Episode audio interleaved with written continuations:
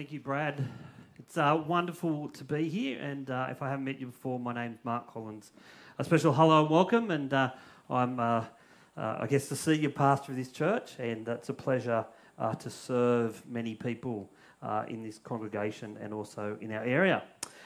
so, friends, we come to Matthew 6 in our series on the Sermon on the Mount. Now, I'm not quite sure if you're aware of how many motivational speakers are out there today. I'm not one of them, so don't you worry about that. And a motivational speaker, well, they can motivate you to do something you might not want to do, or to do something better. They might even try and sell you a book or two or maybe a product of another person.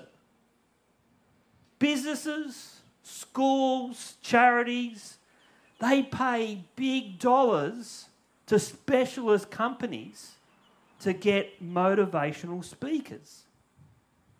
Now, there's an impressive list of people who do motivational speaking gigs on the screen behind me.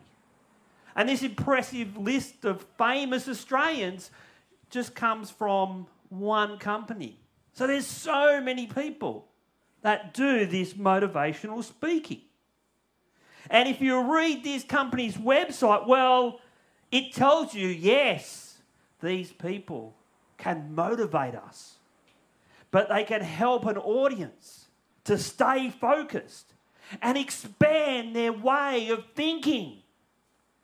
They can make a positive impact on your workplace's culture, productivity, and confidence. And they can inspire and help your team's morale. Sign me up, right? Sign me up. I want, I want to hear these guys if they could do so much. Well, as we come to this section on the Sermon of the Mount, the question actually comes up what is your motivation? What's your motivation to do the things that you do? Now, Jesus actually in this passage wants us to think about our motivation. He wants us to question it. And in the context of the passage, he wants us to question our motivation behind our righteous acts.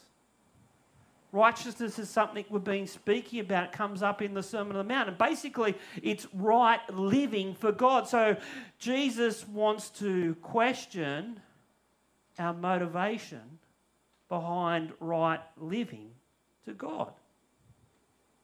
And what does he do? Well, in the passage, as you probably heard, he, he gives a principle and then he applies this principle in three practical examples. And in each of these examples, Jesus addresses our wrong motivation behind doing the right thing and points us towards where our motivation should be. So let's have a look at the passage today in Matthew 6. And we'll especially concentrate on verses 1 to 4. And we'll see what should motivate us to do right and examples of godly motivated righteousness. What motivates you to do the right thing before God? Now, over the last couple of weeks, we've heard about righteousness. We've also heard that Jesus fulfills the law. And then we saw lots of examples of how in Jesus' day the religious leaders had changed the law to lower the bar so, so much that anyone could jump over it and feel good about themselves. We heard a couple of Sundays back, didn't we, about the command do not murder. And we know, don't we, that it's not like people wake up in the morning if they're stable and think, I know what I'm going to do. I'm going to go murder someone. It's not like people think like that. But what happens over time is anger builds up in a person's heart, so they may consider and may even commit murder. We actually see that often with these weird gangland killings where people are angry at each other or want to get each other back and they just go and go and go and they cause absolute havoc. But what does Jesus say? Well, Jesus says this law, the spirit of this law, is actually not so much about murder, it's actually avoiding anger in the first place. And then last week, we were told in one of our examples to love our enemies and pray for those who persecute us, which is such a high standard of love. It's such a high standard of love. But as we discovered, we know where that standard comes from. It comes from Jesus who died on the cross for those who were, who are, and will be in rebellion against him. Jesus is the ultimate example of love your neighbour. And so we ended last week with this call for Christian growth as we focus our attention on God the Father and pray for Him for help. But as we come into chapter 6, our personal motivation is questioned. See, we could do what Jesus spoke about in chapter 5. We could be fulfilling the law perfectly, doing all what Jesus wants us to do. But if our motivation, like the religious leaders, is to receive people's praise, then we're heading down the wrong track. So the statement, be perfect. Therefore, as your heavenly Father is perfect, at the end of chapter 5 comes with a motivational warning in chapter 6, verse 1. If you've got your Bibles open there, it says, Be careful not to practice your righteousness in front of others to be seen by them. If you do, you will have no reward from your Father in heaven. See, the principle Jesus lays out is that if you do the right thing to be recognized by others, if that's your motivation, you'll receive no recognition from the Father. These are pretty strong words, right? They're pretty strong words.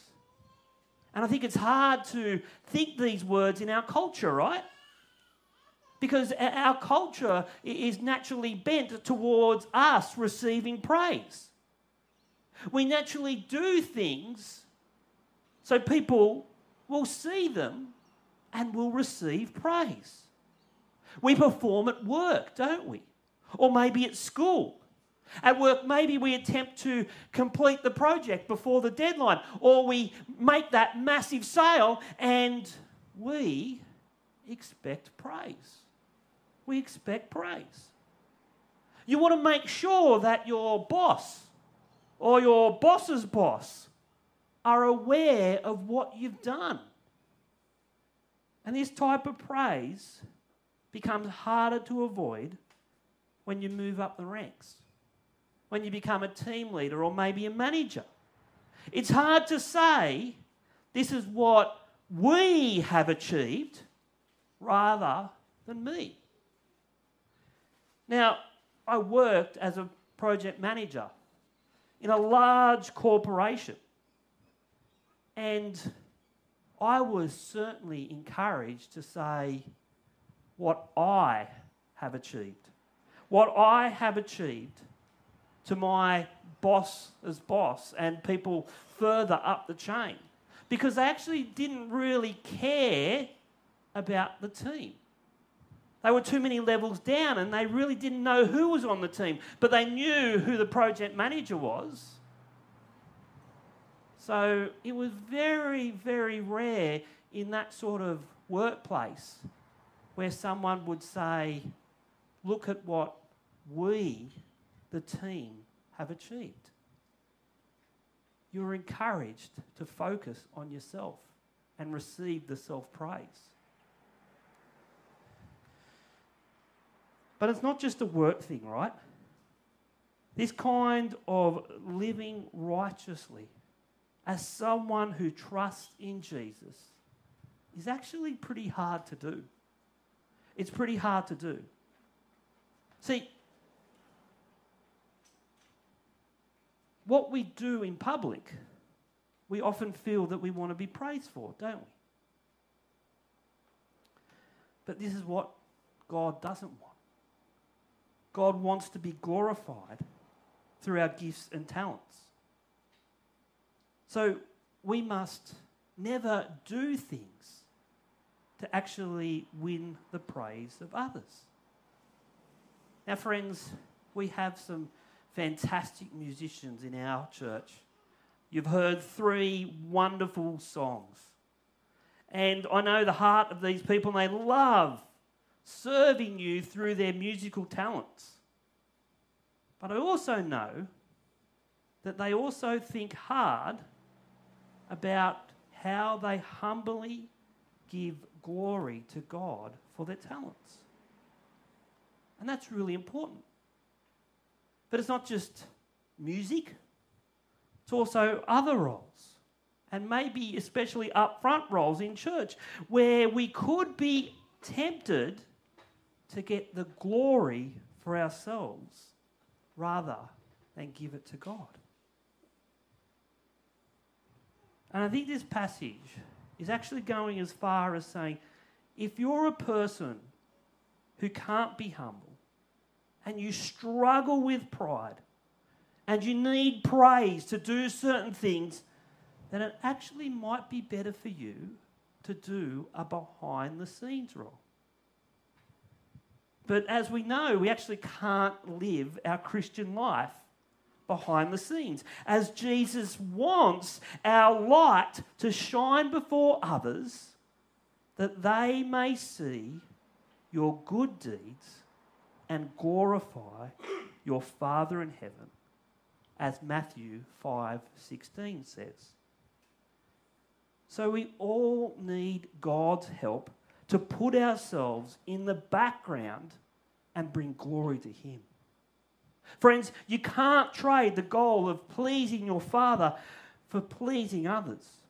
Pleasing the Father means that we have a wonderful reward to come when we see Him face to face one day. So, verse 1 covered. Moving on, friends we see that this principle is applied throughout verses 2 to 16, which was read earlier. Jesus applies this principle to what was common in Jewish worship giving to the poor, praying, and fasting. Now, I'm going to concentrate our time on giving to the poor I'm not going to worry about fasting. I don't want to talk about oil on your head and all that sort of stuff. Come talk to me after the service if you want to hear more about that. And I think the Lord's Prayer stuff will certainly leave till next summer and we'll look at that a bit more deeply. So, how to give? What does it say in verses 2 to 4? So, when you give to the needy, do not announce it with trumpets as the hypocrites do in the synagogue and on the streets to be honoured by others. Truly, I tell you, they have received their reward in full. But when you give to the needy, do not, do not let your left hand know what your right hand is doing, so that your giving may be in secret. Then your Father, who sees what is done in secret, will reward you. Now, God had commanded in the Old Testament his people to take care of the poor and needy. And one of these ways was to give money to the poor. It was actually a very important part of Jewish worship. But instead of this being an act of righteousness, it became an act of getting praise from others. People would give and take care of the needy, and they do it in public places. They do it in the middle of the synagogue. Like in the middle of the church, a poor person comes in, we just throw cash at them and they go, Look at me, whoa, I'm so good. Or they do it on the busiest street in town and they make sure that people saw them. That was their motivation being seen to do the right thing.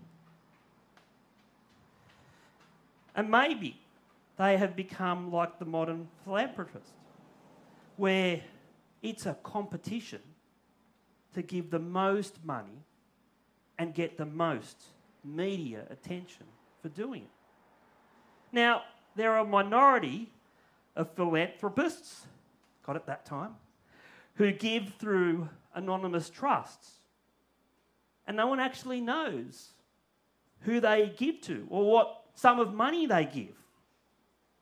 But they do it so that they can't be seen. And they don't want to receive the praises. I think that's where Jesus wants our hearts to be. But also the attitude of giving for a faithful Jew actually needs to be put in a bit of perspective. See, they actually gave lots of money. They gave tithes, 10% to the temple. They gave through animal sacrifices and other means during the festivals. So some scholars actually estimate that a faithful Jew could have given around 20 to 30% of their income. So clearly, Jesus, Jesus' criticism isn't actually targeting their generosity. A faithful Jew was very generous.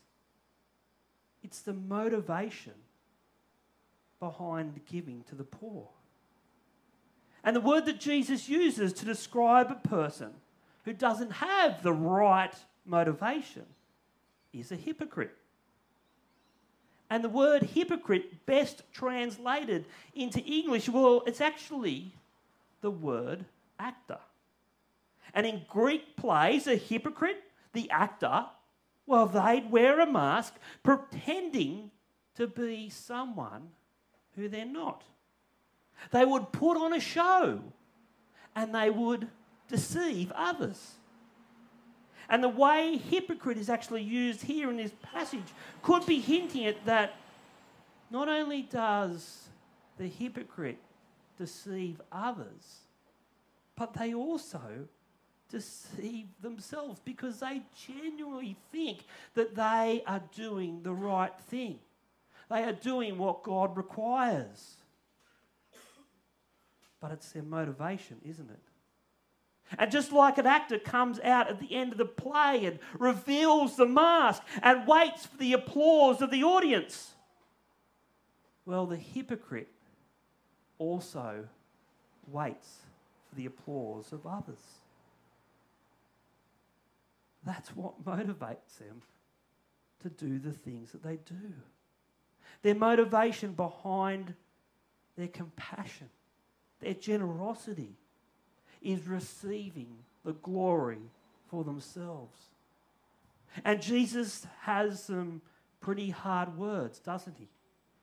Truly, I tell you, they have received their reward in full. The reward for the hypocrite, those of us who are motivated to do the right thing, to be seen by others, is applause from people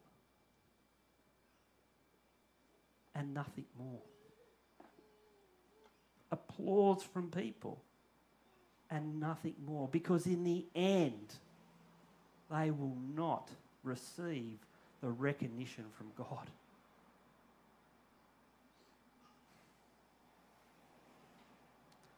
So when you give, you're not to sound the trumpet and draw attention to yourself.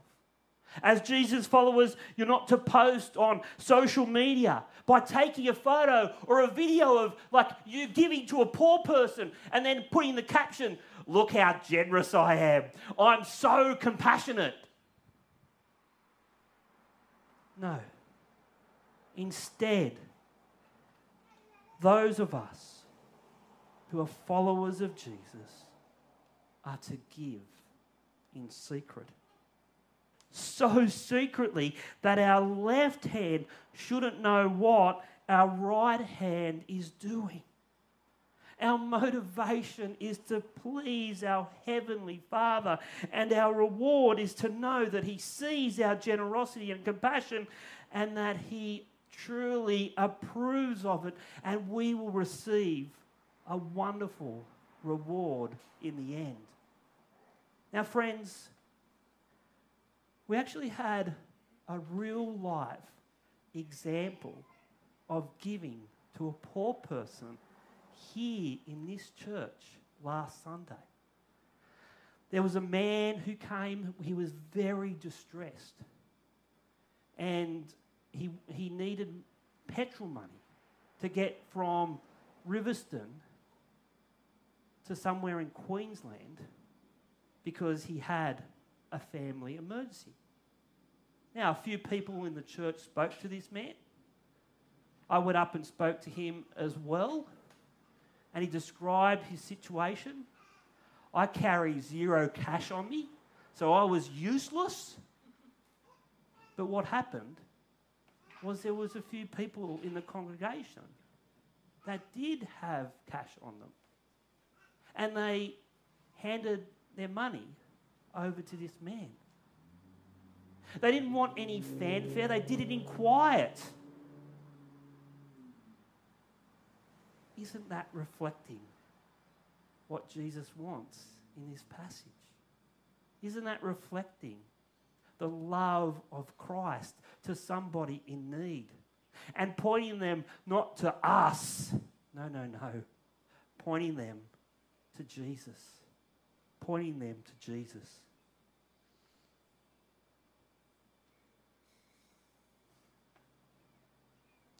Friends,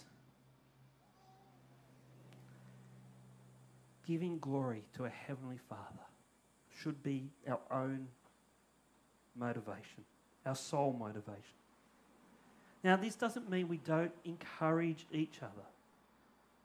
But even when we do encourage each other or praise each other, well, what we do is actually point that to God.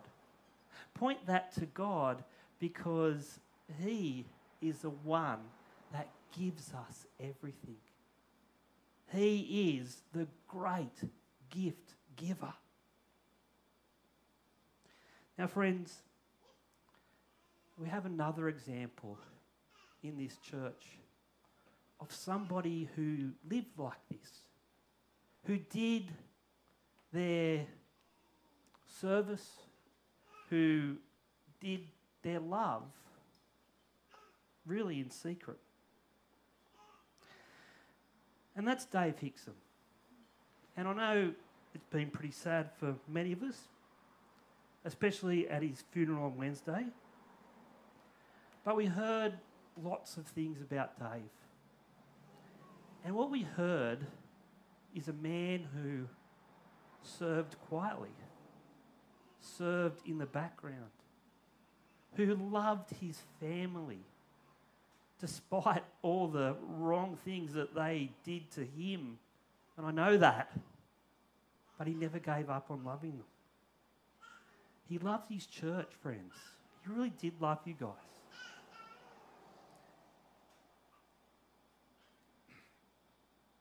And it seemed like he just didn't love the praise. He certainly worked hard.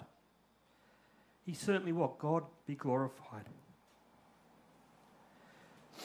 And friends, we know now, right now, that for Dave's service, for his love for people, he's receiving his reward right now. He's heard those words from Jesus. He's heard the words, Well done, Good and faithful servant, come and share in your master's happiness. He's received his reward. And what a great witness he is of Matthew chapter 6.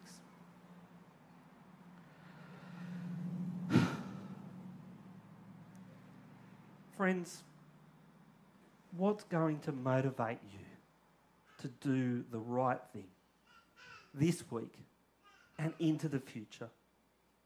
I hope it's your relationship with the Heavenly Father, won by Jesus' sacrificial death on the cross, and by the power of the Holy Spirit who works in us all to transform us to be more like Jesus. This relationship, this relationship should be what motivates us now and forever. Let me pray. Father God, we just really want to thank you. Thank you for who you are. Thank you that you are the wonderful, awesome gift giver. Father God, we pray that you would help us with our motivation. Help our motivation, whatever we do, however we live, to bring glory to your Son, Jesus. And Father, we know that if our motivation is focused on you, well, in the end, we will receive a great reward. We thank you so much. In Jesus' name we pray. Amen.